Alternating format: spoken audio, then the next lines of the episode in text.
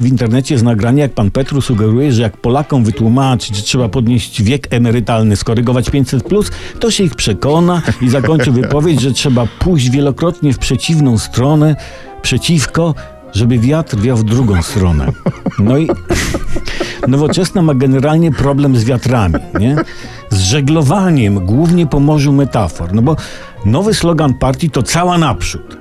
A na telebimie na konwencji pojawiło się nowoczesna to okręt o trzech kotwicach, odpowiedzialność, rozsądek, uczciwość. No to, no to jak statek nowoczesna ma iść całą naprzód, a jednocześnie chce zakotwiczyć i to za pomocą aż trzech kotwic, no to ten wiatr, o którym mówił pan Petru, może sobie wiać nawet z trzeciej albo siódmej strony, to, to statek przymocowany do dna aż na trzech kotwicach, przyznajmy, prawdopodobnie się może nie przewróci, ale całą naprzód to nie pomknie.